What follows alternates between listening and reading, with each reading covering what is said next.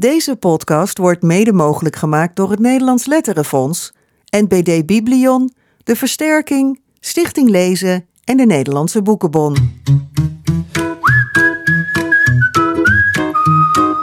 Dit is de grote vriendelijke podcast met Jaap Frieso en Bas Maliepaard. Weet jij, Jaap, wat de naam Jona betekent? Uh, nee, eigenlijk niet precies. Ik ken hem vooral van het, uh, het Bijbelverhaal van, uh, over Jona en de profeet. En, en, dat hij in de walvis zat. En wij zongen vroeger al zo'n zo'n zo'n liedje waarbij iemand dan ging zwieren en zwaaien. Want toen Jonas in de walvis zat van je 1, 2, 3. Ja. ja. Nou, ik heb het even opgezocht. Volgens mij heette die Jonas in dat liedje trouwens. Zo Jonas, Jonas in de walvis. In de walvis ja. Die, ja, die. Ja. Maar goed, ik heb het even opgezocht. Uh, ze worden door elkaar gebruikt, Jonas en Jona. Jona is oorspronkelijk Hebreeuws. En Jonas is daar de Griekse variant van. En de namen betekenen duif of vredesduif. Oké. Okay. En het is de titel van het boek dat we vandaag uh, gaan bespreken in de GVP. Dat heet namelijk Jona. Ja, we beginnen niet zomaar over een naam. En het gaat ja. ook over een jongen die ja. Jona heet. Ja. En de schrijfster van het boek, die heet dan weer anders. Dat is niet Jona, maar Anna van Praag. Welkom Anna. Ja. Leuk dat je er bent. Ja. Dankjewel. Ja, leuk ook hier in uh, midden tussen de boeken in Kiekeboek. Superleuk om hier te zitten. En niet jouw geboortegrond, maar wel een soort Nou, van opgroeigrond. Ja, ik heb heel veel met Haarlem. Ik, vind, uh, ik heb daar een, een, mijn hele middelbare schooltijd gewoond. Uh, dus ja, en, en, nu woont mijn dochter er weer. Dus ik, Ja. en mijn beste vriendin woont er. Ik kom er nooit meer weg. Het is gewoon een thuiswedstrijd dit. Ja, het voelt Ja. zeker als een thuiswedstrijd. En Jessica, die deze boekwinkel eh, runt, daar heb ik ook nog bij op school gezeten. Dus ja, het voelt heel eh, vertrouwd. Thuiskomen dit. Maar Ja. hey, die naam Jona, dat is niet bij toeval een Hebreeuwse naam hè, ehm, van dit personage. Had je die naam al snel in je hoofd? Dat je dacht, oh, zo gaat de hoofdpersoon heten? Ja, ik, ik had wel meerdere namen. En eh, ik wist dat ik een Hebreeuwse naam wilde, maar ook niet te. Niet dat je denkt, wat een ingewikkelde naam. Niet wel gewoon- of Nee, niet zo. Mordechai. Nee, ik dacht, nee. dat moeten we niet doen. maar ehm, ik had wel een aantal namen. En toen heb ik ook precies gedaan wat jij eh, deed, Bas. Ik ben ook gaan opzoeken. Googelen. Wat betekent Ja. die naam dan? Want ik wou dat de betekenis klopte. Eh het is er niet... eh, en ik vond dit een mooie betekenis, inderdaad. Ja. Ik weet niet, ik heb hier bij me een heel dik boekwerk... waar ik al mijn... dat ik altijd doe voordat ik Oh, een boek ga schrijven. En hier zou. eh, nou, hier zie ik bijvoorbeeld dat hij ook nog even David heeft geheten.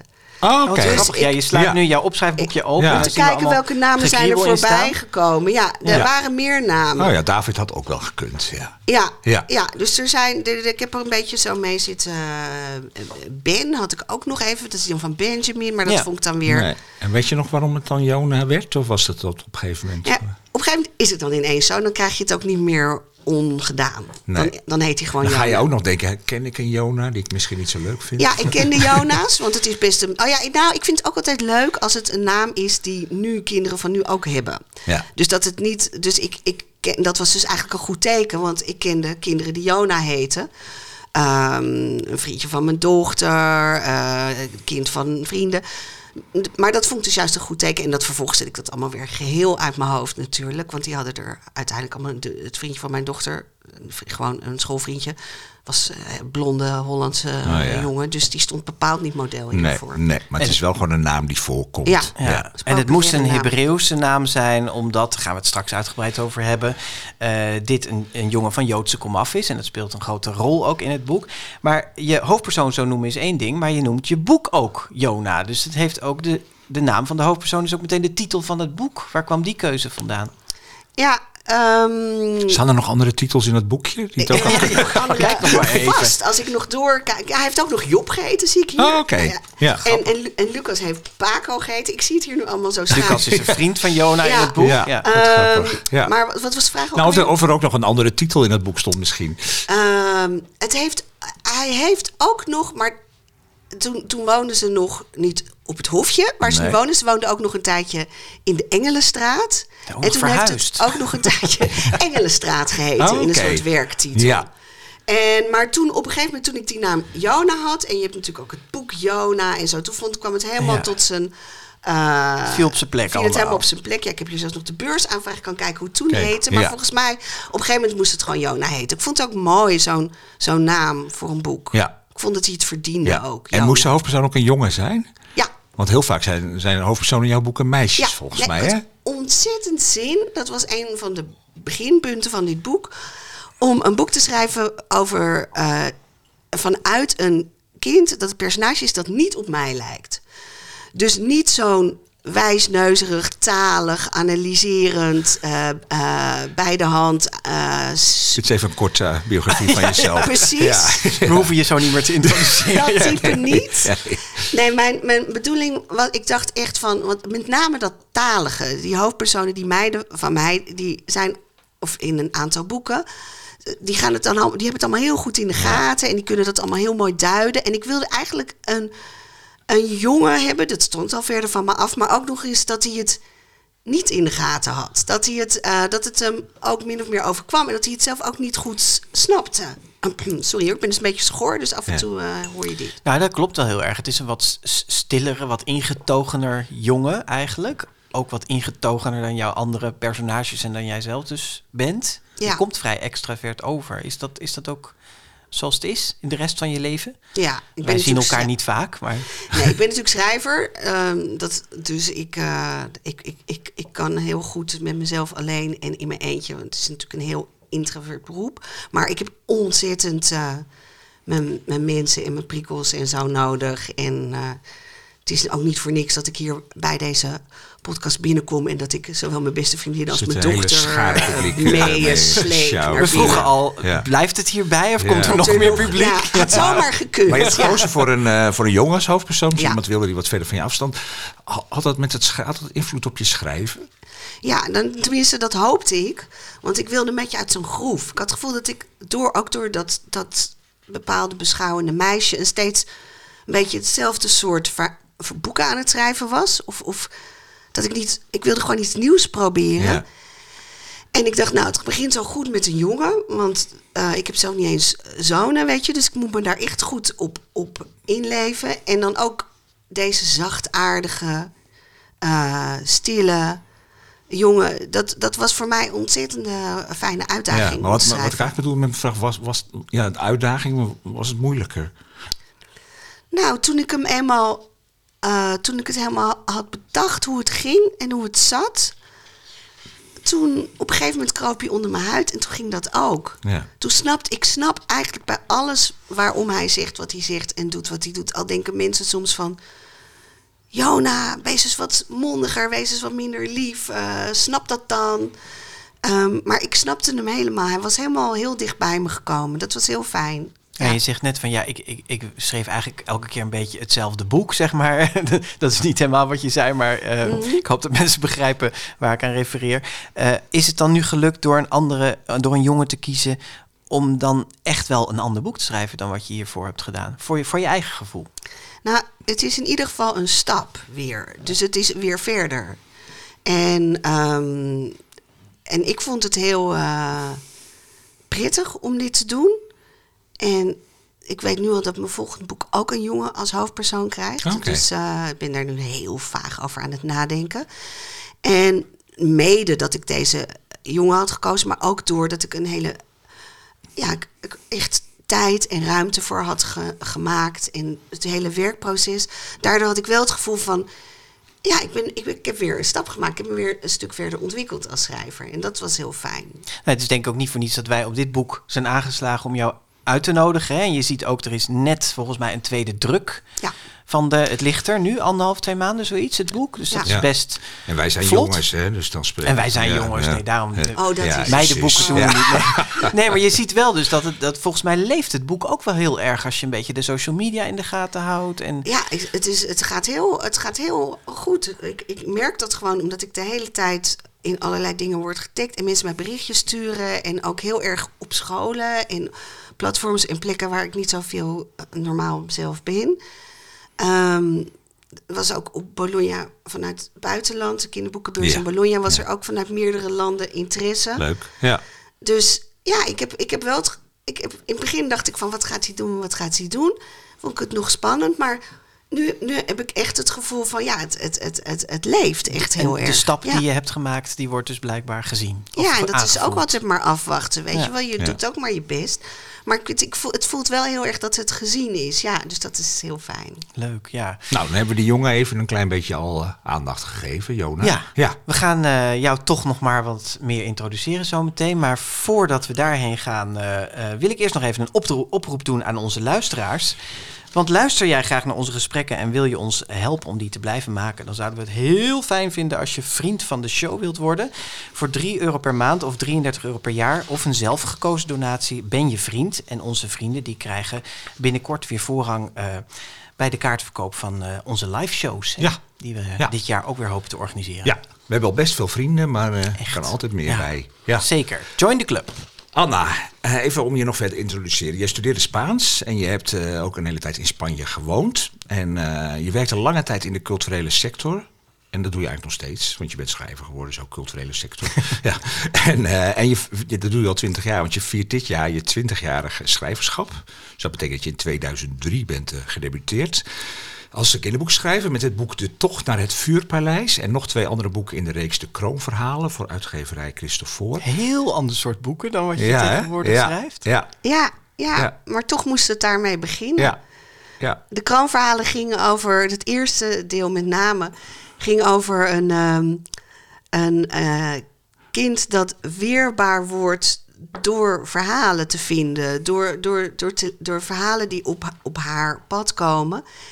En daarom vind ik het wel een heel mooi eerste boek, eigenlijk, dacht ik toevallig van de week. Ja. Omdat het heel erg gaat over de kracht van verhalen, die ik toen zelf ook heel erg eh, aan het eh, ervaren Ja. was. Nou, Ja. je bent doorgegaan met die kracht van verhalen met, met een, een serie kinderboeken, zoals Het Heksenhotel, Verboden te vliegen en Nooit meer lief.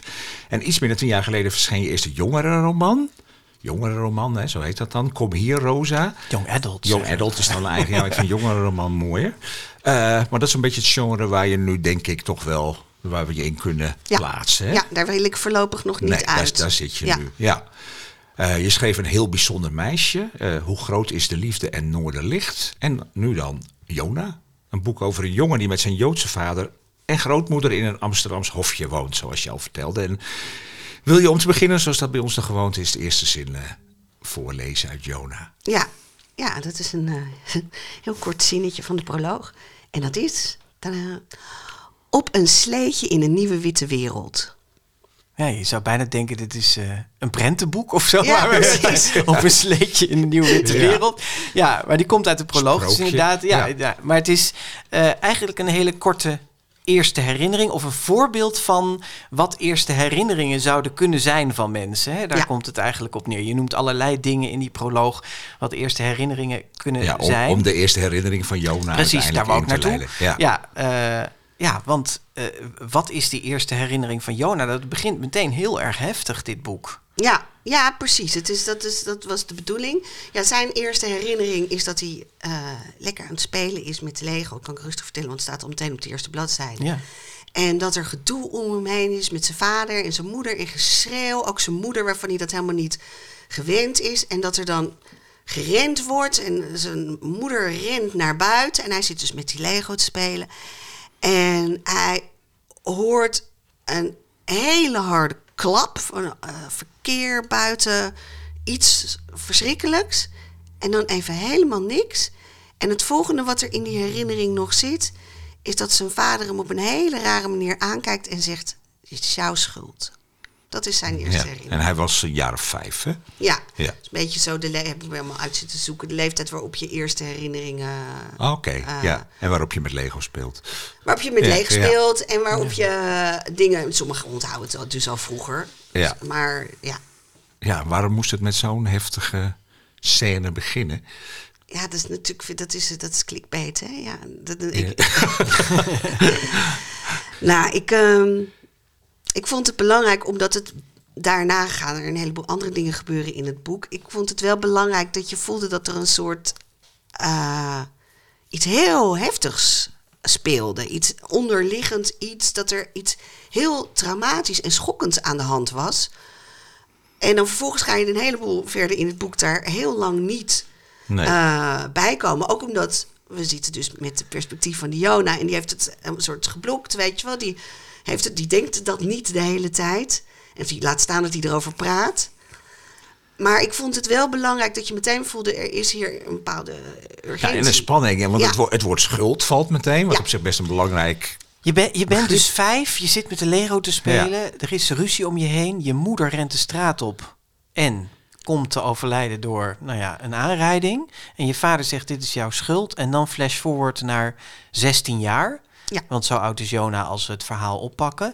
En dan komen we eigenlijk terecht in een soort ja, schoolverhaal eerst. Hè, dat je denkt het gaat over een profielwerkstuk wat hij gaat maken met, nou ja, niet eens zijn vrienden in de klas. Eigenlijk Nee. gewoon twee klasgenoten die worden aangewezen door de, door de leerkracht. Van Elin en Lucas, jullie gaan met Jona dit, eh, dit doen.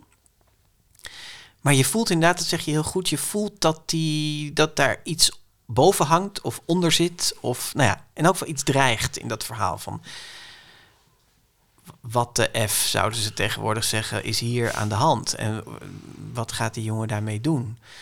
Is, is die omschakeling ook nog een soort van constructie geweest van je van ook ga eerst heel heftig en dan terug naar eigenlijk dat hele herkenbare schoolleven van die lezers ook? Nou, ik wou dat er zeker wel in hebben. Dus ik heb, wilde wel schakelen tussen gewoon hoe dat is. eh, als je nu 16 bent en je zit op een middelbare school en je zit je in je eindexamenjaar en gedoe in zo'n klas en zo. Dat, ik wou niet dat het, een- dat het een soort losgezongen was van hoe kinderen nu. Ik, ik hecht er altijd heel erg aan dat het nu speelt. Ja. Dat is het echt, dat, dat, dat laat ik ook altijd eh, checken, onder meer door die dochter hier, die hier mee is gekomen. Dat het aan het eind nog één keer kijkt van speelt het nu? Gebruik ik geen bejaarde woorden? Of eh, klopt het nog? Is dit hoe het, hoe het gaat aan scholen, op scholen? Dus ik wilde ook echt wel dat, dat het voor, voor kinderen die dat nu lezen gewoon herkenbaar is. En zo niet Ja, in een een hele hedendaags rare... verhaal. Ja, ja. Maar tegelijkertijd, eh, het speelt in het nu, maar het gaat ook heel erg over het verleden. Hè? Want om- laten we even proberen een beetje het boek te schetsen. Want het is best een, een complex eh, verhaal. En Ja. dat is altijd het lot van, van onze podcast. Dat we comple- complexe boeken proberen zonder al te veel weg te geven, maar toch inzichtelijk te maken. Hij gaat een profielwerkstuk maken over iets dat zijn oma heeft gezegd. En oma heeft iets gezegd over een zekere eh, Simon. En eh, nou, Maar denk- niemand kent die Simon. Nee, en ik wil je vragen om zo'n stukje voor te lezen daarover. En om dan even te schetsen nog hoe het zit. Jona woont met zijn vader dus in het Amsterdamse hofje. Tegenover hen woont oma. Dat is dus de moeder van zijn overleden moeder van dat ongeluk. En dus de schoonmoeder van zijn vader. Eh, heel en, goed, en die ja. oma, ja, nee maar goed, dat is allemaal best belangrijk in de. En, eh, en eh, zij heeft beginnende Alzheimer. En ze, ze wonen dus in hetzelfde hofje en, dan ko- en ze komen veel bij elkaar over de vloer. En in het stukje wat je gaat voorlezen brengt Jona zijn a- oma op een avond weer naar, naar huis. En hij woont, noemt zijn moeder Safta. Ik neem aan dat dat... oma. Zijn zijn oma, Safta. Zijn oma, sorry, ja, oma Safta. Ja, Ja. dat is Hebreeuws voor oma, neem ik Ja. aan. Hè? Ja, ja. Ja. Wil je dat voorlezen ja, zonder dat we daar verder al... eh, Ja. Steeds bleef ze staan om rond te kijken, te ruiken. Gaan we uit? vroeg ze zelfs enthousiast. Nee, Safta, je moet naar bed. En ik ook. Pas toen ze voor haar eigen deur stond, zei ze... Is Simon thuis? Terwijl ze de rest van de avond zo goed was geweest. Erop reageren voelde hoe dan ook ongemakkelijk, wat je ook zei. Alsof je haar pijn deed met zowel de waarheid als met een leugen. Die ze onmiddellijk doorzag, zo slim was ze dan ook wel weer. Je woont alleen, weet je nog? Opa is al een paar jaar geleden overleden. Ze knikte. Maar Simon, leeft die nog? Jonas zuchtte. Doe je soms zo omdat je opa mist, opa Ben? Ze schudde haar hoofd nu ongeduldig. Die mag het niet weten hoor, van Simon. Safta, er is geen Simon. Met zachte dwang duwde haar naar binnen, deed snel wat lichtjes aan. Kijk maar, je eigen huis. Het verraste hem altijd hoe het huis van zijn oma op het zijne leek qua indeling en dat er tegelijkertijd zo'n totaal andere sfeer hing. Bij oma wilde je wegkruipen in de bank, thee drinken, boeken lezen en nooit meer opstaan. Hij hielp met het ophangen van haar jas, de muts op de hoedenplank. Twijfelend bleef hij in de deuropening staan. Gaat het verder zo? Ze wuifde hem weg. Natuurlijk, ik ga zo lekker mijn warme bed in. Zonder Simon, durfde hij te zeggen. Natuurlijk, ze lachte. Ja. ja, je begint je boek niet voor niets met eerste herinneringen. Want eigenlijk is herinneringen of het geheugen is ook wel een groot thema in het hele boek. Dat komt nu ook alweer terug in dat oma beginnende Alzheimer heeft. Haar herinneringen heeft ze niet altijd meer helemaal op een rijtje. Ehm, dit stuk, hè, wat je nu eigenlijk voorleest, dat, dat een, een dementerende vrouw het over iemand heeft waarvan de familie denkt: hè, wie, wie is dat dan? Dat deed ons onmiddellijk denken aan de podcast Bob, waarin een 84-jarige vrouw eh, het steeds maar over. Dat is echt gebeurd, is dat? Eh, Een 84-jarige vrouw heeft het daarin steeds over ene Bob. En het audiocollectief dat dit heeft gemaakt, die podcast, die gaat eigenlijk onderzoeken van ja, over wie heeft zij het nou eigenlijk? Daar gaat die hele podcast Ja, over. dat is een beetje wat jij ook doet Ja, eigenlijk. en jij schrijft achterin in je nawoord ook dat, dat die podcast, dat jij die ook zo mooi vond en dat die je bleef achtervolgen op een bepaalde manier. Was dat ook voor jou de kiem van dit verhaal, van jouw verhaal? Ehm, ja, er zijn meerdere kiemen. Eh, daarom zijn mijn dankwoorden altijd ook zo ingewikkeld. Omdat ik er allemaal eh, door heel veel dingen op ideeën kom. Dit was er zeker eentje, want ik vond die podcast dus inderdaad heel erg mooi. Maar ik was wel een heel klein beetje teleurgesteld op het eind. Omdat je, ik zou de podcast ook niet spoilen, maar dat je wel denkt...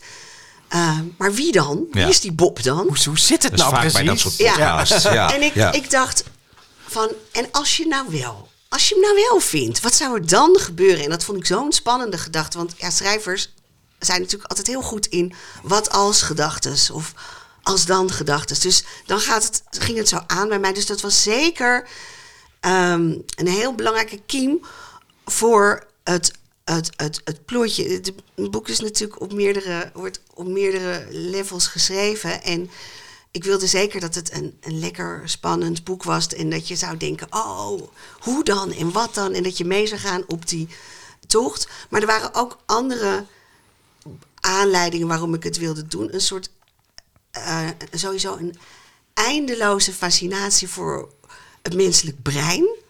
Vind ik zo, als ik het nu opnieuw zou studeren, zou ik misschien neurobiologie of zo Ja, gaan ja, studeren. ja.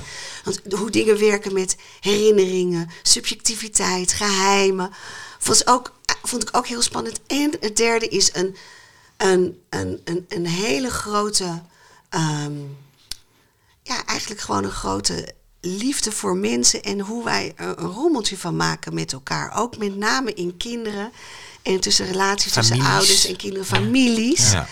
Dus ehm, eh, dit, ik wist al dat zo'n soort groot geheim kan ontzettend doorwerken in allerhande familierelaties. En dat een- een bron was sowieso dat ik dacht, ik wil een heel complexe relatie tussen een vader en een zoon doorgronden, zonder ehm, dat je te makkelijk gaat oordelen of er iets van gaat vinden of zo. Dus ik, dat, was, dat was ook een hele grote eh, uitdaging. Ja. Veel lijntjes die je nu even Ja. benoemt en waar, waar er ook echt een paar nog van eh, aan bod komen. Niet allemaal, maar ik werd even getriggerd door wat je net zei over families. Eh, Toen moest ik onmiddellijk denken aan, eh, ja, hoe noem je dit eigenlijk ook alweer? Een, een motto? Een, ja, een, motto, of- zo, die is zo'n Ja, citaat waar het boek mee begint. Precies, nergens dat ik nou moet vragen, hoe noem je dit ook alweer? Maar goed, eh, nergens komt zoveel liefde en haat voor als binnen families. Dat heb je ontleend aan de Griekse mythe door Immedros eh verteld. Ja, dat vat het wel mooi samen, dat rommeltje wat mensen ervan kunnen maken met elkaar. Ja, en dat, dat, daar, wil ik, daar wil ik eindeloos over blijven schrijven. Precies over dat. Ja. Ja, en daar, daar mooi. kan je ook eindeloos over schrijven. Dus wat, dat is ook mooi. Ja. Ja. Laten we even bij die draad van die herinneringen blijven. Hè? Want daar, nou ja, daar begint het eigenlijk. Het is een soort herinnering van oma waarvan nou ja, moeilijk te duiden is wat het is of het waar is. En daar gaat het ook wel voor een deel over. Die Wie betrouwbaar. het is, wie, ja. Ja, wie het is. eh, of ze dat zomaar vanuit haar Alzheimer een beetje is gaan roepen. Of dat er echt iets, eh, iets is. En, en eh, nou ja, zij, hij gaat, Jona gaat samen met Elin en Lucas eh besluiten eigenlijk een soort film te maken. Over, de- als profielwerkstuk over die eh, herinneringen. En ze interviewen een aantal professoren en ze bevragen oma. En het, het fascinerende is, de vader van Jona, die, die vinden maar niks. Ja. Ja, waarom niet? Omdat ehm, Jona en die vader, die vormen een heel klein mini-frontje, mini-verbondje met z'n tweeën. In dat hofje, daarbinnen ook nog in hun huis. En ehm, dat gaat op een, op een vaste manier en die zijn helemaal op elkaar ingespeeld. En eh, wat Jona nu doet, is dingen opengooien Ja, overhoop halen. overhoop halen. En ehm, dat betekent dat die vader, eh, die is gewend om, om te zeggen, om het te bepalen. En ineens is dreigt dat hem te ontglippen. En Wij, eh, wij samen tegen de wereld, zegt ja. hij ook. Hè? En opeens ontglipt hem dat bondgenootje een beetje in Jona. Die gaat zijn eigen ja, weg een beetje kiezen. Ja, en dat ehm, nog helemaal los van dat die vader donders goed weet dat daar een heleboel shit achter ja. zit en boven gaat komen, wil die vader ook gewoon, ja, eigenlijk ook, kan die vader is, is best wel een lul, maar je kan. Een heel menselijk ding van ouders is dat je je kind heel dicht bij je wil houden. En dat je niet wil dat je kind allemaal dingen gaat doen Nee. met anderen in de wereld ingaat en eigen pad gaat uitzoeken en zo. Dus het is ook, dat betreft, het is gewoon een coming-of-age ding waarin je je eigen plan gaat trekken. Ja. Maar hij schuift het ook echt af, hè, die vader. Hij zegt, de herinneringen zijn een last.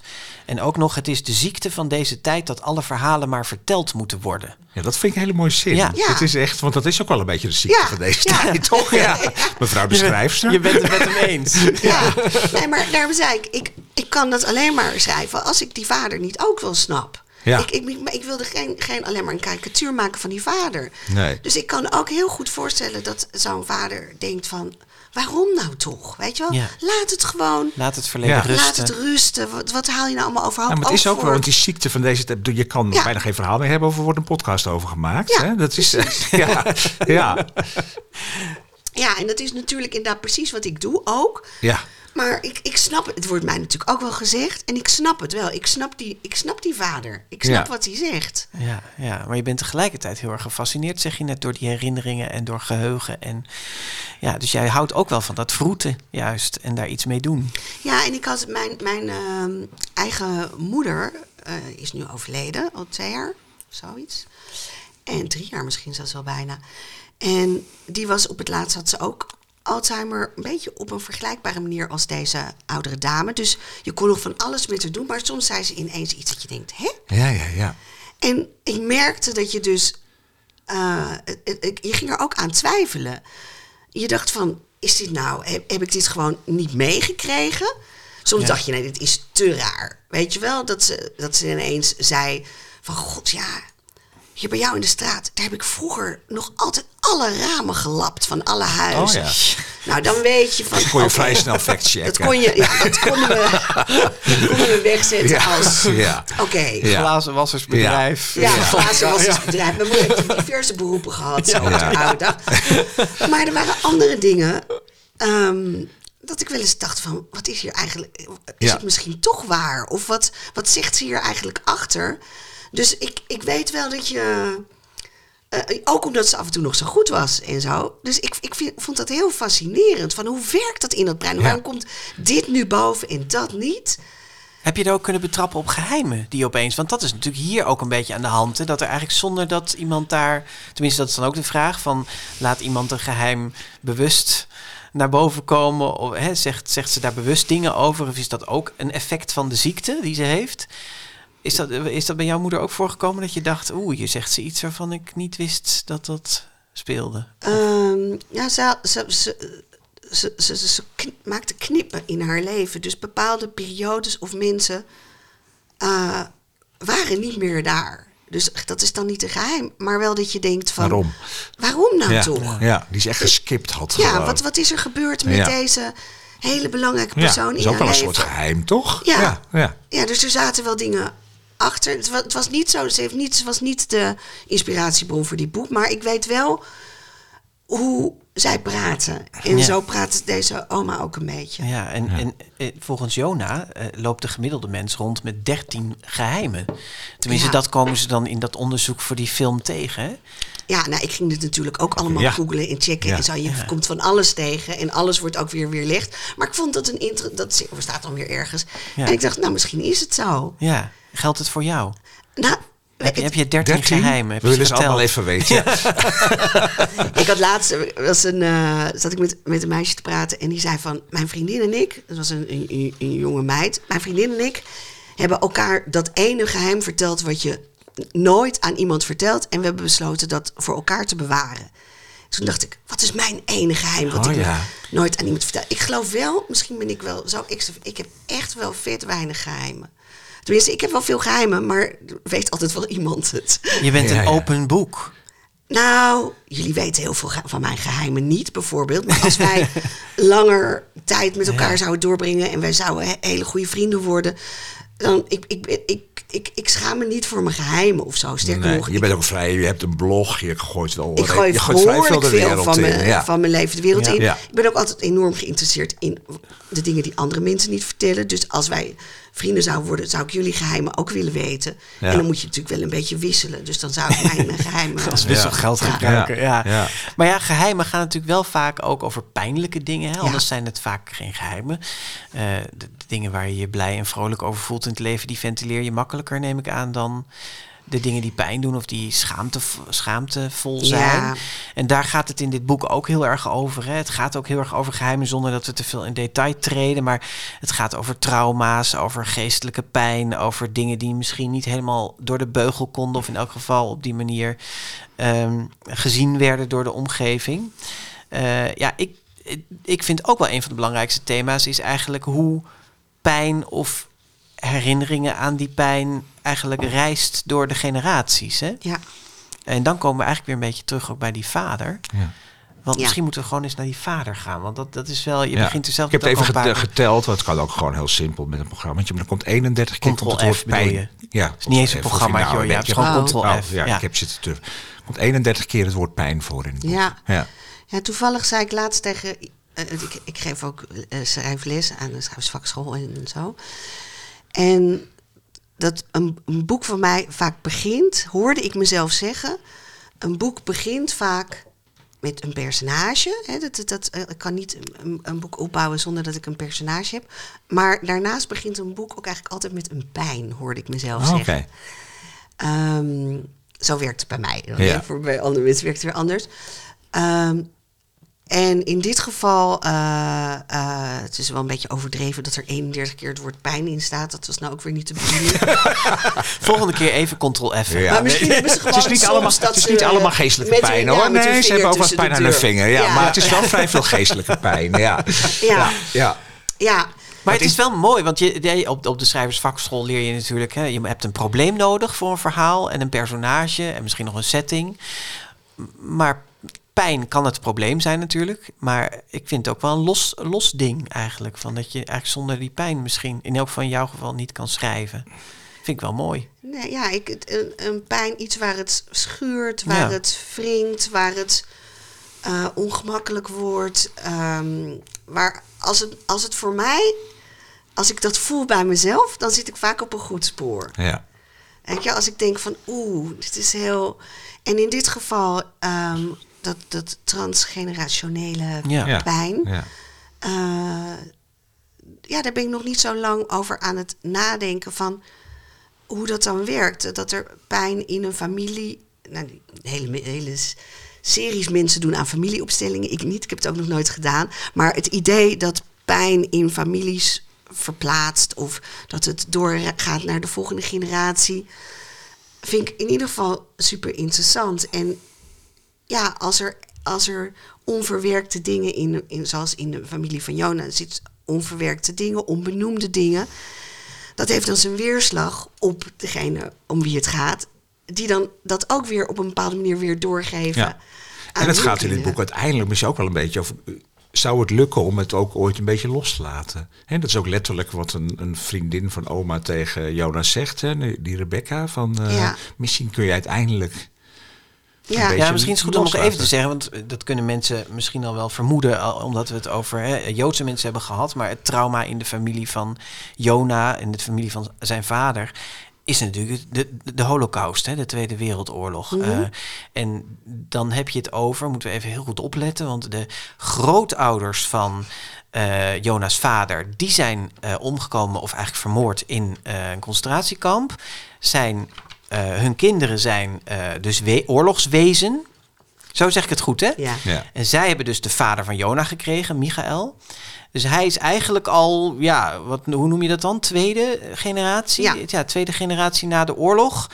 Ehm, dus zijn ouders hebben eigenlijk de oorlog als hele kleine kinderen meegemaakt. En daarna hun ouders. En ze zijn hun ouders verloren. Verloren, ja. In ja. moment, dus de- die hadden een, een, een- ik bedoel, daar hoef je niet een hele grote psycholoog voor te zijn. Die hadden een hechtingsprobleem, die Ja. ouders. Want die raakten als klein kind hadden ze geen Verweest, ouders. En ja. waren ze verweest. En dan twee van deze niet goed gehechte mensen krijgen dan zelf een kind. Nou, Ja. dat gaat natuurlijk niet... Nee. Alles kan, maar dat, is wel, dat kan leiden tot... Hoe moeten ze het voorleven? Hoe moeten ze het doen als ze het zelf niet hebben gehad? Ja. En die, die vader, Michael, die krijgt dus weer een kind, Jona. Hè, en daar zitten we in dit verhaal. In de relatie tussen dus tweede en derde generatie eigenlijk Ja. na de Ja, oorlog. en die vader, dat is een maatloos fascinerende Ja, man. vonden jij, wij noemde, jij eigenlijk- noemde hem al even een lul in het begin, hè? Ja, ah, ja, ja. ik neem het ook weer terug. Ja. Nee, maar ik bedoel, het is wel logisch, want hij, ja, we- hij is heel ambivalent. Hè? Het is een, een, ergens ook een liefdevolle man, maar hij leeft heel ergens volgens vaste regeltjes, een, een streng regime. En dat heeft toch al snel eh, een beetje akelige, akelige kantje. Hij, hij hanteert heel veel huisregels, dus de schoenen moeten uit bij binnenkomst. Eh, Jona moet helpen met alle klussen in huis. eh, hij moet de Shabbat respecteren. Hij moet altijd redelijk blijven. Hij moet, stilte is heel belangrijk. Uh, binnenshuis mag je nooit een deur dicht doen. Eh, nou ja, we hebben geen geheimen voor elkaar in dit huis. En er heerst altijd rust en regel. Maar dat is heel erg zijn, strenge... Dat hangt ook gewoon echt op een A4'tje Ja. in de Ja. gang. Hè? Ja. Zijn vrienden, Elin, die ziet dat op een gegeven moment hangen. De die- huisregels, De ja. huisregels. Het heeft Ja. iets vreugdeloos ook. Ja, En beklemmends, want Ja. je- er, er is wij, ja, ook weinig. hè, Je kunt zeggen van we hebben geen geheimen voor elkaar. Dat klinkt heel fijn en warm en liefdevol. Maar dat is het Maar ja, als je nooit de, kamer, kamer, de deur van je kamer dicht mag doen, omdat je even gewoon op jezelf wil zijn als jongen van 16, dan is dat ook heel naar, lijkt me. Ja. Ja, nou ja, eerst niet natuurlijk, want dan ben je nog niet een Ja, jongens van 16 en dan is dat gewoon de regels en Ja. wat maakt het ook uit. Maar op het moment dat je natuurlijk meer je privacy wil hebben of meer je eigen territorium of je eigen gebiedje wil hebben, wordt dat ineens een ander verhaal.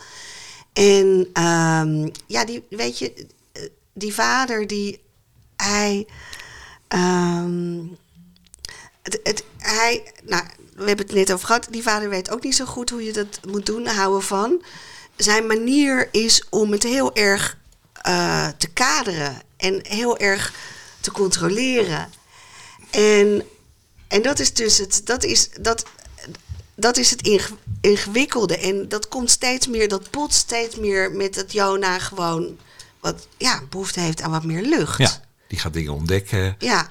Die gaat dat werkstuk maken, die gaat vroeten in die geheimen Ja, van de ja. schoonmoeder Die kan van goed deze opschieten man. met die kinderen met wie hij het werkstuk maakt. En ontdekt daardoor ook weer andere levens. Maar Ja. het is wel, het is een heel complexe figuur, die vader, vond ik. Ik dacht, hoe, hoe heb je hem zo kunnen neerzetten? want het is, ken jij zo iemand? Want het is, Wie is dit? het is echt wel een man met vele gezichten. Want er zijn ook momenten dat je denkt, ach ja, het is toch eigenlijk ook wel een man die houdt van zijn kind. En dan het vervolgende moment, dan wordt er weer iets verteld waarvan je denkt, nou, dit doe je. En sowieso die proloog al, hè, dat hij ooit dus tegen een kleuter heeft gezegd, jouw schuld dat je moeder nu voor de auto loopt.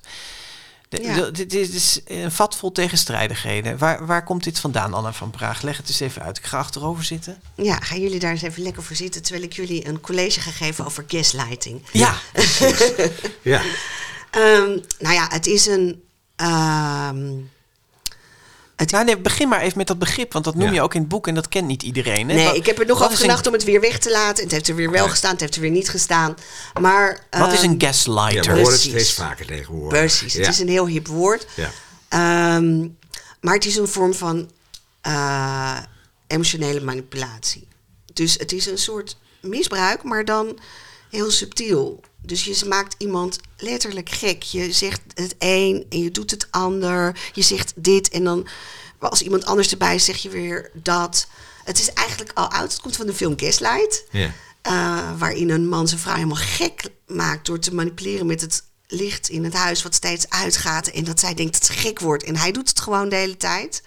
En vervolgens zegt hij van, nou ja, sorry hoor, maar ik sta toch naast je, er gebeurt toch niks met het licht? Nee, want hij staat naast haar, dan kan hij er ook niet mee kloot. Maar het moment dat hij wegloopt, gaat het weer mis.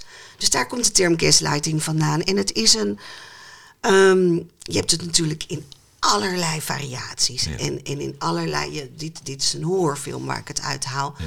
Maar je hebt het ook heel subtiel. Maar het mechanisme, daarom zeg ik, ik kom steeds weer uit op de eindeloze fascinatie voor hoe mensen zich tot elkaar verhouden. Je hebt natuurlijk eh, veel mensen die in zo'n verstrikt zijn geraakt. Want Jona en zijn vader zijn er ook allebei verstrikt in geraakt.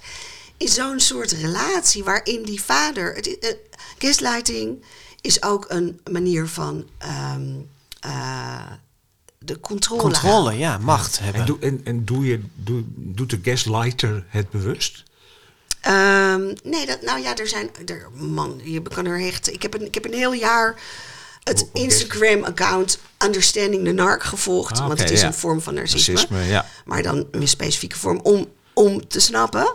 En, maar er wordt van alles over gezegd. In, ik vond het interessanter voor het verhaal dat hij het helemaal niet bewust doet. Nee. Dat, hij, ehm, dat het echt zijn ja, manier is om dat kind bij zich te houden. Dat hij echt in, in de kern heel bang is om zijn zoon kwijt te raken. Ja. En dat hij dus dat daardoor probeert. Weet je wel, dus dan geeft hij me weer iets liefs. En dan doet hij weer iets leuks. En dan laat hij Jona iets zeggen. En dan zegt Jona iets. ehm, eh, waardoor hij zichzelf vastdraait. Dus daarom is Jona natuurlijk ook zo'n stille jongen. Omdat zijn vader, vader is veel taliger, veel slimmer. En hij vindt Jonah vaak te soft. Hij Hij- wil hem ook ja. Hij zegt ook, de wereld is een harde plek. Daar moet je je tegen wapenen. Ja, maar vervolgens houdt hij hem dus ook zacht. Dat is de Ja. hele, dat is de waarin die twee verstrikt zijn met Ja. elkaar. En iemand moet het doorbreken. En, hij, en de vader gaat het niet zijn. Nee. Ik, ik vond het voorbeeld met die deuren is eigenlijk ook wel een heel mooi voorbeeld van hoe je de ander het gevoel kan geven dat die gek is. Hè? Dus vader zegt de deuren moeten openstaan, want wij vertrouwen elkaar. Met andere woorden, als Jona dus toch die deur dicht, zou willen of dat verlangen bij zichzelf constateert, dan is hij dus degene die blijkbaar zijn vader vader niet Nee. vertrouwt. En welke 16-jarige jongen wil dan altijd zijn deur... eh, Ja, terwijl het ook- eigenlijk heel normaal is, een heel normale natuurlijk. behoefte Welke is. Ja. elke 16-jarige jongen wil zijn kamer dus dicht. Maar elke, de meeste 16-jarige jongens willen ook helemaal niet je vader zo'n groot signaal geven van ik vertrouw jou niet of zo. Nee. Dus dat is, dat is de hele. Ze zijn gewoon helemaal verstrikt geraakt in, in deze relatie. Ja. Die vader En- en vond hoe- die ook omdat hoe- hij niet anders. En hij is kan. een gaslighter geworden vanwege dat trauma, of hoe zie je dat? Van de, vanwege dat oorlogstrauma, het overerfde oorlogstrauma. Nou ja, en op een gegeven moment zegt, zegt eh, iemand, ik, volgens mij is het de oma, misschien zegt er dus nog een andere eh, vrouw die ook, oudere vrouw die ook, maar zegt de mannen in, de, de vrouwen in deze familie houden de boel draaiend en de mannen zijn ingewikkeld. Dus het is ook denk ik een soort, nog los van het hele oorlogsgebeuren, een soort genetisch ding van lastige mannen. ja. Ja, En ehm, vrouwen die daar op een of andere manier omheen bewegen. ja. Jona zegt ook op een gegeven moment had ik niet beter een lief meisje kunnen zijn. Want de vrouwen in onze familie zijn, zijn, zijn wel eh, zachtaardig. Dus zo, zo verward is het in zijn hoofd ook al gekomen. Want zo, Ja. zo is het natuurlijk niet. Maar zo, zo is het opgebouwd. Ik kan me voorstellen dat het voor de luisteraar overkomt alsof we een beetje van het ene onderwerp naar het andere onderwerp dobberen. Maar het, ook, het, maar het allemaal hoort allemaal bij elkaar Ja. in het boek. Ja. En dat is ook het mooie, dat het op al die niveaus in elkaar grijpt eigenlijk. eh, Ja, dit, want dan is er nog iets wat daar ingrijpt, is dat eh, eh, de opvoeding van eh Jonah door zijn vader ook nog op een bepaalde manier, op een Joodse manier. Ja, ik dacht Is- al, wanneer komt hij? Ja. nu komt nee, hoor. eh, blokje, blokje Jodendom. Ja. nee, maar, maar dat is, ja, weet je, het is niet voluit religieus. Het is ook een beetje ambivalent. eh, hè? Dus, ze, ze gaan niet naar de synagoge, ze, ze eten niet kosher. Maar de bar, bar mitzvah is heel belangrijk. En wat Sommige feesten zijn heel, heel belangrijk. belangrijk. Maar wat nog meest fascinerend in het boek is en regelmatig terugkomt, is dat ze iedere ochtend Jona gaat bidden met de gebedsriemen om waar zijn vader Ja. bij is. Dat vond ik ook weer iets Ja. heel bijzonders. Nou ja, voor een deel is het, is het niet anders zoals heel veel eh, gezinnen ook christelijk zijn. Weet je wel, ze gaan niet meer naar de kerk, maar ze vieren nog wel kerstmis. En Wordt ze- voor het eten misschien nog Ja. Ja, gebeden. de bidden Ja, misschien ja. nog, weet je. Want zo moet je het ook zien. Het is gewoon een liberale vorm van Jodendom. Ja. Dus het moest ook niet, hij zit ook niet op een, op een, een Joodse school Nee. of zo. Nee, Het- hij- Maar dan zijn juist die gebedsriemen een beetje... nou ja, dat, dat heb ik gekozen. Want ik, ik heb dat op een gegeven moment eh, vertelde iemand hoe die gebedsriemen werkten. Want dat heb ik zelf ook niet eh, ervaren. Maar dat die dan dus eh, door de vader zo om, omgedaan worden bij zo'n zoon. Echt letterlijk als een soort... Om je armen heen om je gewikkeld, armen hè? heen, in je Vrij strak ook. Ja. En, met doosjes op je hart en, en, en zo. En dan om dan samen te bidden. En dat vond ik zo'n krachtig beeld. Ja. Dat ik dacht van, want dat... Dan hoef ik een heleboel dingen niet uit te leggen over hoe ze aan elkaar verstrikt zijn en hoe ze met elkaar verbonden zijn, letterlijk allemaal.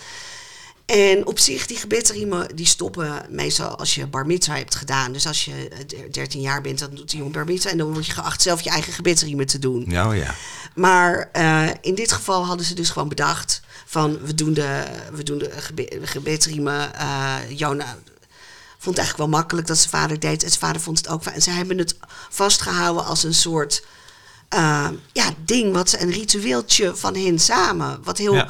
krachtig wordt. Ja, en het mooie is daarin, vind ik, daar zit ook het ambivalente in van die, van die vader. Hè? Dus dat, eh, en ook het gevoel van Jona richting zijn vader, dat hij die momenten op, op een bepaalde manier ook heel erg waardeert. Omdat hij dan juist heel dicht bij zijn vader is. Ze delen dat met z'n tweetjes. Het is heel intiem. Ja, maar laten we het eerst even La- voorlezen. ja, sorry, sorry, la- sorry. Ja, lees het eerst even Er is, een een, stukje er is een voor. voorleesstuk Ja, hierover. nee, ja, Oh ja, nee, en dan krijg je vergeten. een gevoel Ja. hoe dat gaat. Ja, ik heb het al helemaal verteld, maar ik Ja. ga Ja. het nog eventjes... eh, Zo staat het in het boek, ja, dit geeft trouwens Ja. ook meteen antwoord op je vraag, dit stukje. Ja. Hoop ik. Ja. Elke ochtend deed zijn vader hem de gebedsriemen om. Een van de weinige rituelen die ze bleven volhouden. Waarschijnlijk omdat Jona's opa het op zijn beurt ook al met zijn vader deed. Het waren zelfs dezelfde oude leren riempjes met daaraan zwarte doosjes. Eentje voor het hart, eentje voor het hoofd en eentje op je hand voor kracht. Zo zei Jona's vader het ook altijd als hij de riemen omwond. Dicht bij je hart, dicht bij je ziel, dicht bij je kracht. En daarbij mompelde hij mooie oude woorden die een vertrouwd ochtendlied waren geworden. De riemen werden best stevig aangesnoerd en Jona moest er altijd extra vroeg voor opstaan, helemaal als hij het eerste uur vrij had. Maar boos was hij nooit, niet op dat moment. Hij verlangde zelfs naar de zangerige klank van de stem van zijn vader, zo heel dichtbij. De geur van tandpasta en zeep om hem heen, de tedere manier waarop hij de doosjes aanraakte, stuk voor stuk. Zo dichtbij dat hij de haartjes van zijn vaders rommelige baardje kon zien, de zachte sproeten op zijn handen, de grote armen die stevig waren en sterk. De riempjes verbonden hen in een lange traditie van Joodse gebeden en rituelen, waardoor de wereld even heel groot en tegelijk heel klein werd. Zonder zijn vader zou die nergens zijn, niemand zijn. Nou ja, daar zit het in inderdaad. Hè? Ja. Het grote van die traditie van dat, dat volk waar ze van afstammen en het hele kleine van die vader en hem. Ja. Ja, In dat moment. Ja. ja ik kan het echt niet beter zeggen dan ik het Nee, Nee, nou, precies. dan ja. houden we het Ja, hierbij. ja, moeten we het gewoon lezen, ja. Ja. Weet je, want dit, in die zin staat het heel dichtbij. je, Hè. Je, je komt uit de familie van Praag. Dat is een bekende naam, een, een groot Joods geslacht, toch? Hè? Ja. En niet Eh, meer zo groot na de oorlog, maar oké. Nee, want in de holocaust zijn er 22 familieleden Van mij, ja. van jou omgekomen. Ja, van mijn Van Praag takje. Ja. Ja. Eh, alleen, ik dacht wel, van als je jouw oeuvre bekijkt, is dat Jodendom tot nu toe de vrijbekaaid. eh Nou, dat vond ik zelf dus ook. Ja, waarom moest dat dus, nu dan? eh, ja, want ik heb een boek over een Turks meisje. Vossenjacht gaat over een Turks meisje. Ik heb eh, Spaanse kinderen. Ja. Ik heb Nederlandse kinderen. Ik heb van allerlei soorten leuke kom af gehad. Eh, en dat Joodse niet. En ehm, waarom niet? Eh, en waarom wel nu? nou, ik denk dat het wel degelijk te maken heeft met dat er natuurlijk in deze tijd heel veel gesprekken is over identiteit. Waardoor ik zelf ook ging weer, her, zoals ik dat meerdere keren in mijn leven dacht van, hoe Joods ben ik eigenlijk? En wat heb ik er zelf eigenlijk mee? En ehm, toen vond ik dat eigenlijk super interessant om dat gewoon ook middels zo'n boek een beetje te onderzoeken. Van wat is het nou wat ik er eigenlijk mee heb? Hoe Ja. Joods ben ik eigenlijk? En dus dat was ook Want is dat een vraag die de afgelopen decennia in je leven wel zo regelmatig naar boven popt? Of, of komt het op je 55ste ineens? Nee, het was, het was, ik was het eerder, wilde ik het ook heel lang niet zijn. En nou, laat ik het zo zeggen, ik wilde het. eh, maar ik heb er een podcast over Ja, gemaakt. gaan hè? we het zo Gaan we zo over ja. Maar ik wilde het eerst als klein meisje, vond ik het heel Ja, wilde interessant. het heel erg zijn. En dacht ik van, want iedereen zei ook altijd dat ik op Anne Frank Ja, je wilde Anne Frank nou, zijn, hè? Hoe interessant is dat? Ja. En, eh, en daarna. Maar even voor de goede orde, jij werd niet Joods opgevoed. Nee. Eh, Nee, jij bent officieel ook, eigenlijk voor de, volgens de Joodse wet ben jij ook niet Joods, omdat jouw vader was eigenlijk al niet eens Nee. Joods volgens de... Hè, want- moeder niet, dus nee, precies. Het wordt via de vrouwelijke lijn Ja. eh, eh, erf je dat over, zeg maar. Hè? Ja, maar dan heet je wel van Praag. En dan zegt iedereen, je lijkt op Anne Frank. En dan heb je dus dat geschiedenis met... En dat je ouders zeggen van... Vroeger stonden er heel veel meer van Praag in het telefoonboek. Ja. Dus dat zat altijd wel. Maar er was ook tijden dat ik, het, dat ik dacht van... Wat is dat voor gekoketteer en gedoe? En ik wil dat niet. En eh, ik was gewoon ook wel klaar. Toen ik ging trouwen dacht ik, weet je wat? ik neem de, de naam van mijn echtgenoot. Dan ben ik helemaal klaar met, de, met, de, met het Joodse van Praag, waarbij iedereen altijd meteen ook een vraag heeft met Ja. die achternaam. Maar goed, ik, ik, heb, ik heet nu weer Van Praag. Ik ben in mijn boeken altijd Van Praag blijven heten. En het is leuk om dan. Ik vond het interessant om weer opnieuw te kijken. Ook omdat het ging ook over rituelen. En, en dat heb je dan zeker ook als je, als je ouder wordt en je kinderen gaan de deur uit. Dat je denkt van, ja, wat, wat zijn eigenlijk belangrijke dingen voor mij? Heeft dat nog iets met het, Joodse, met het Jodendom te maken? Is dat ook iets wat, wat ik weer doorgeef aan mijn kinderen of juist niet? Is er ook iets wat door jouw eh, generaties heen gereisd is, wat nu bij jou... eh, Zeker. ja, ja. Nee, je zei het net al, je hebt ook een, eh, podcast gemaakt met de titel Ben ik een nepjood? En daarin onderzoek je je eigen Jood zijn en samen met je, dat doe je samen met je stamvader Marcus. En die wordt dan gespeeld, want die leeft er vanzelfsprekend niet meer, door eh, acteur Kees Hulst, fantastische acteur. Ehm, en je spreekt in die podcast onder andere met je vader. En laten we daar even een klein stukje eh, naar luisteren.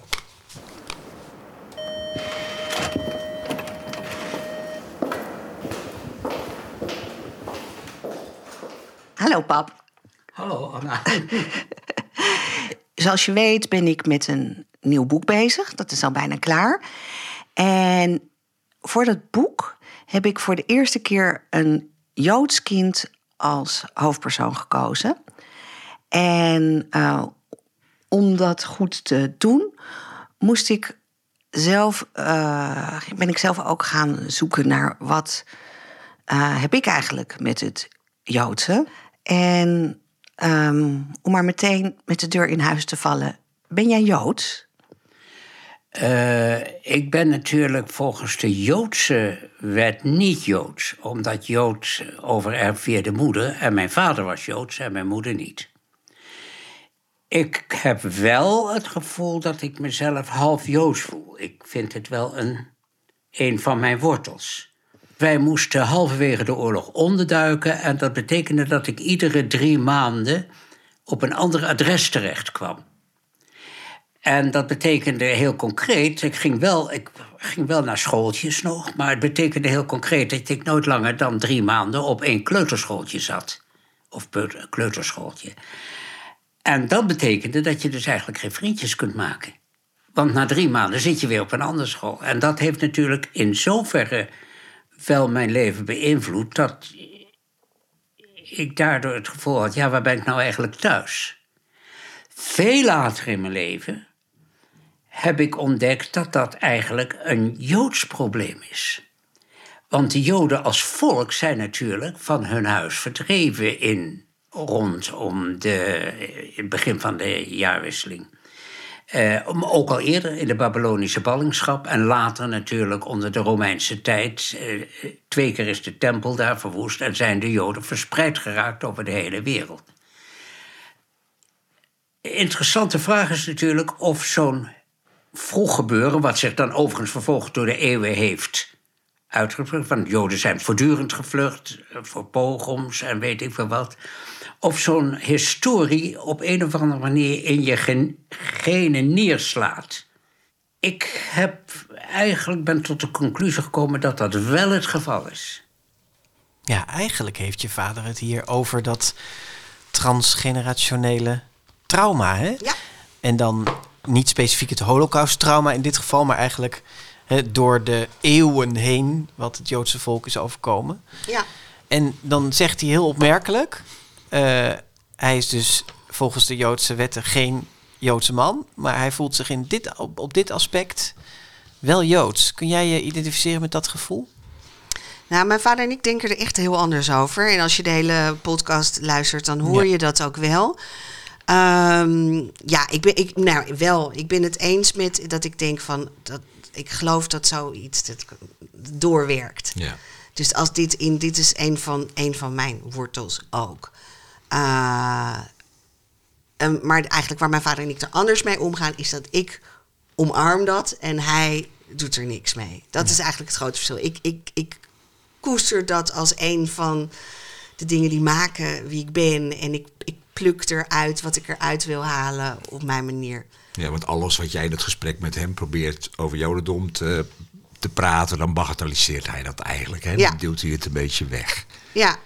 Ja, precies. Dus dat was heel interessant, want dit gesprek hadden we helemaal niet eigenlijk zo gevoerd. Zo diepgaand dat ik maar door bleef vragen. Ja, maar pap, ja, maar hoe dan? En wanneer? Ja. En dan mijn tante van maken ja. dan, hè? Ja. Nou ja, ik wilde eigenlijk, eh, het was een podcast, we kregen dat, die mogelijkheid van het Letterenfonds om een hele intensieve cursus en dan kon Ja. je een literaire podcast maken. En het Amsterdamse Fonds voor de Kunst heeft het ook nog gesteund. Daardoor kon ik die acteur erbij halen en dan kon ik het echt literair maken en anders. Maar ik ben hem eigenlijk gewoon begonnen omdat ik dacht van, ja, dit is, heeft feitelijk met het boek, het komt niet in het boek, het is mijn eigen zoektocht. Maar als iemand mij zou gaan vragen, bijvoorbeeld jullie, van oké, dus je hebt een boek over een Joods kind geschreven, maar hoe Joods ben jij zelf eigenlijk? Dan wil ik daar een goed antwoord op geven. Niet dat, dat je dacht dat ik dat makkelijk zou doen. Dus daar heb ik een hele podcast Ja, dus gemaakt. nu is je antwoord gewoon luister de podcast. Ja, dat is het eigenlijk. Ja, Ja. ja. En het, het maakt allebei onderdeel uit van dezelfde zoektocht toch op een bepaalde manier. Ja. Hè? Dus de, de, Jona, het boek en de podcast. Ja, wat heeft je vader het boek al gelezen? Ja, mijn vader heeft het. eh, Mijn vader zat heel snel. Die heeft het onmiddellijk gelezen. Oh, wat Ja? vond hij? Ja, hij was heel enthousiast. Hij was eh, voor zijn doen, hij is meestal wel kritisch op mij, maar hij vond dit eh, een goed boek. En eh, hij, toevallig, dat, dat is nog wel leuk, hij, eh, hij heeft trouw. Kijk, Dus ik krant. kreeg Ja. gisteren een, een, een mailtje van hem, of eigenlijk gewoon zaterdag meteen in de ochtend, van mooie recensie in trouw. Ik ben het overigens niet eens met de laatste regel. Dat was, Ik weet niet meer wat de laatste de regel laatste is. regel was dat het iets bondiger had gekund Oh ja, of zo. Oh ja. ja. ja, ja, dat- dat maar vond ik, zo ja. in die zin is hij, is hij fan van het boek, zullen we maar zeggen. Ja, leuk. En heeft hij nog iets over dat Joodse aspect gezegd? Van wat hij ervan vindt dat je dat zo hebt opgepakt en verwerkt in dit boek? Doet dat hem nog iets of eh, bagatelliseert hij dat ook? Dat bagatelliseert je ook. Ja, Mijn, ja. mijn tante in New York, die ook in de podcast zit, die heb ik Die is een jo- soort Joods, officieel Joods hotline mee. Die, die Ja. blijft me maar berichten Oh, ja. sturen. En die is helemaal into Jona nu en zo. En ja. die is maar aan het hopen dat het in Amerika wordt uitgegeven. En, maar, maar nee, mijn vader heeft daar niet op die manier... heeft die podcast geluisterd, vond hij interessant. Hij was vooral geïnteresseerd in... Hoe heb je dat dan gedaan met die, met die acteur? En heb Ja. jij dan al die teksten geschreven? Oh ja. Oh ja. Weet je Ja. wel zo? Ja. Maar niet Meer echt... technische aspect. in- ja. Ja. En we hebben Ja. echt heel erg veel besproken. En ook wel allemaal dingen die, omdat we de precieze loop van het verhaal niet helemaal weg kunnen geven, Nee, ook wel een beetje zo eromheen blij, om het verhaal heen blijven zweven. Het komt, beloven we, echt allemaal samen als je Jona leest. Maar dus geheugen, herinneringen, het jodendom, die relatie met die vader, het trauma, pijn enzovoort. Wat is, wat is voor jou dit boek? Wat is het belangrijkste van dit boek? Wat je hier aan, stel over tien jaar en je denkt terug aan Jona, waar denk je dan vooral aan als je aan dit boek denkt? Wauw. Als je die vraag niet even van tevoren Ja. aan mij kunnen Ja. doorsturen, zeg. Hij staat ook niet in het draaiboek. Nee. nee. Nee. Ehm, nou, ik, ik, ik, blijf dan toch terugkomen op ehm, dat, dat, je, dat ik hoop dat dit boek, ondanks al deze leuke, spannende intriges en hoe dan het en wie heeft het gedaan en wat is dan dat geheim, dat dit boek laat zien dat ik. ehm, dat ik ontzettend hou van mensen en van jonge mensen. En dat ik zo, zo eindeloos door ze geïnspireerd ben en geraakt word. in dat hele proces van volwassen worden, van coming of age. Dat ik daar zoveel liefde en compassie voor heb. Dus ik hoop dat dat uit dit boek ook gevoeld wordt. Dat dat overblijft. Van ja, dat, en, en dat weet ik altijd al wel.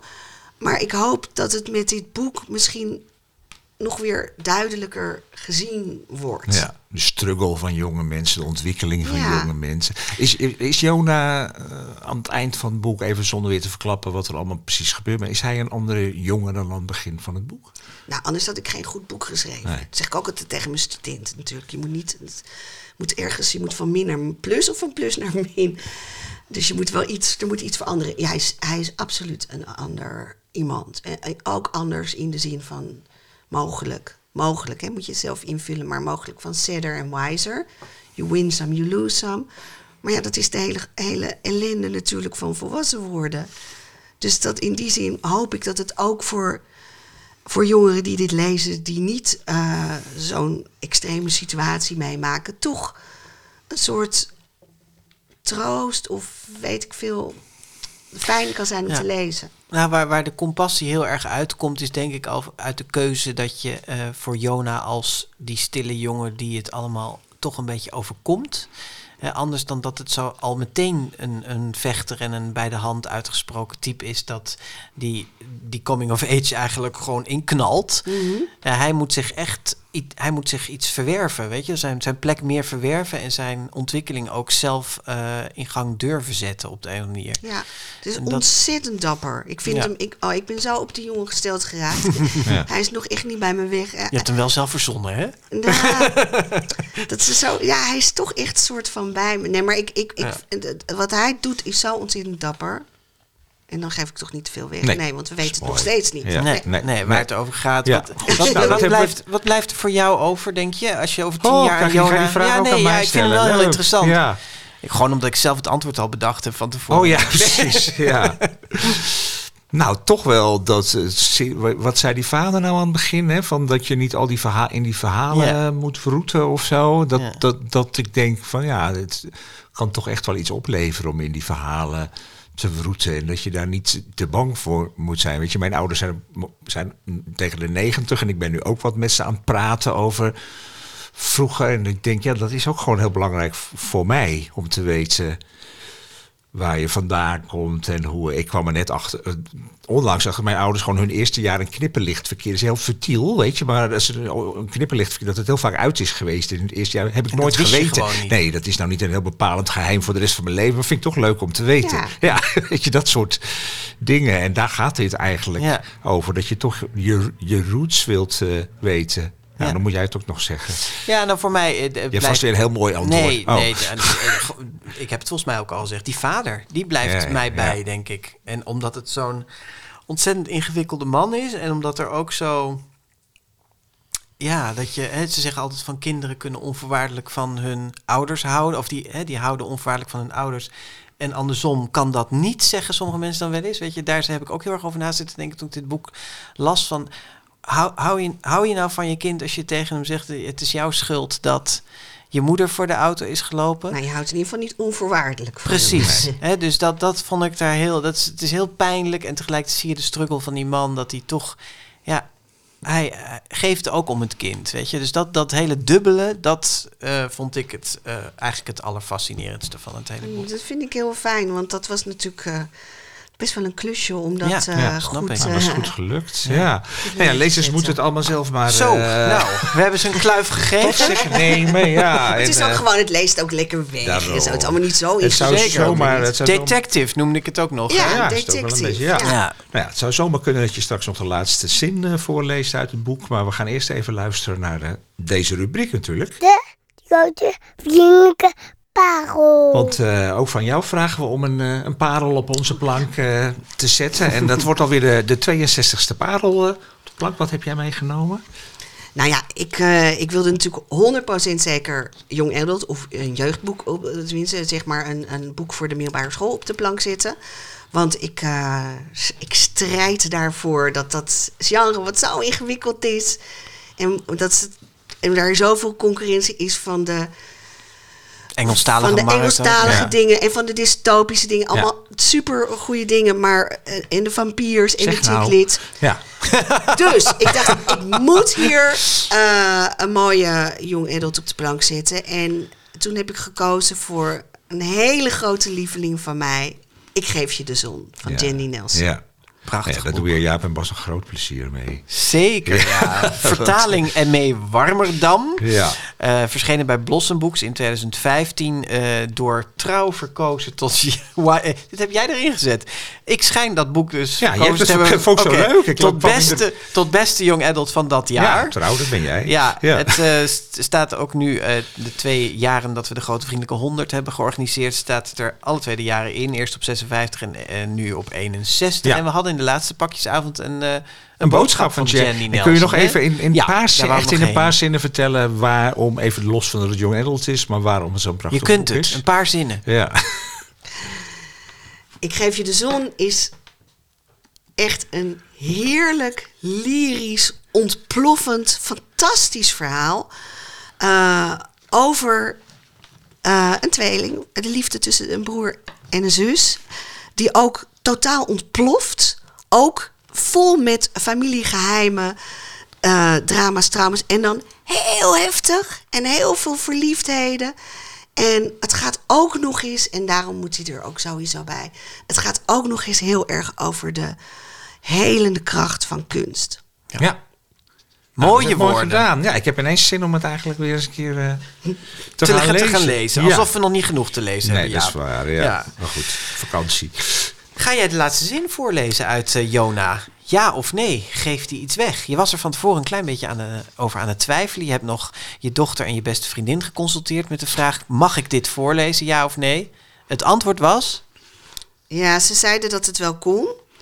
Ehm, ik snapte de twijfel totaal niet. Lees hem gewoon niet. voor. Nee. Oké, nou, ja, ik denk dat de mensen niet horen. Denk ik, nou, wat is dat nou voor een zinnetje van Ja. niks? Nee. Dus, Voor jou was die heel. voor mij was die heel belangrijk. Toch de laatste zin Ja. van je boek, hè? Ja. Eh, en trouwens, ergens zei iemand in een recensie: die laatste zin, die laatste zin. Maar goed, ik ga hem voorlezen. en dit is een heel stom zinnetje. Komt-ie. Toen, met een duidelijke klik, duwde hij de deur stevig dicht. Kijk, dat vind ik nou gewoon echt een laatste Ja, zin. maar ja, nu heb je wel alles weggegeven. De- ja, dat vind ik wel. ja. Je hoeft het niet meer te doen, hè? lezen. Ja, je hoeft het niet meer te lezen. Ja, maar het is wel echt een duidelijke afsluiting, ook van dit gesprek. Wij duwen straks ook de deur dicht hier van kinderboekwinkel Kiekeboek in, eh, in Haarlem, waar we weer zaten. Heel erg bedankt voor Ja, je komst. Anna van. Praag, heel fijn dat je er was. Eh, heel fijn om te praten over Jona, uitgegeven bij Lemniskaat. En eh, de tweede druk ligt dus, as we speak, zo'n beetje in de winkel. Hè? Eh, voorzien van een getipt door de Grootvriendelijke podcast sticker vanaf nu. Reageren op deze aflevering kan via Instagram, Facebook, Twitter onder slash de GV podcast. En daar kon je in de dagen voor deze opname een van de tien exemplaren van Jona winnen. Dus als je ons nog niet volgt, ben je daar te laat voor. Maar er komen vast nog wel weer meer winacties Ja. de komende tijd. Dit was eh, de GVP-aflevering van april, de 93ste aflevering alweer. Ook ja. hard? Ja. Eh, namen hem op op maandag 17 april natuurlijk in kinderboekwinkel Kiekeboek. En ook als vanzelfsprekend met Mark Brouwer aan de knoppen. Ja, en eind deze maand dan zijn we er weer met onze update. Gaan we daarin toevallig al iets zeggen over een pakjesavond? Ja, dat, dat, daar weten we al iets over, toch? Nou, ja, dat- wie- ons volgde op de socials heeft het ja, al daar gezien. Hebben we, nee, we gaan we hopelijk wat meer bekend maken over de live Nu al, hè? Het is voorjaar, jaar. maar goed, we gaan over de pepernoten hebben. Tot dan. Ja, tot dan.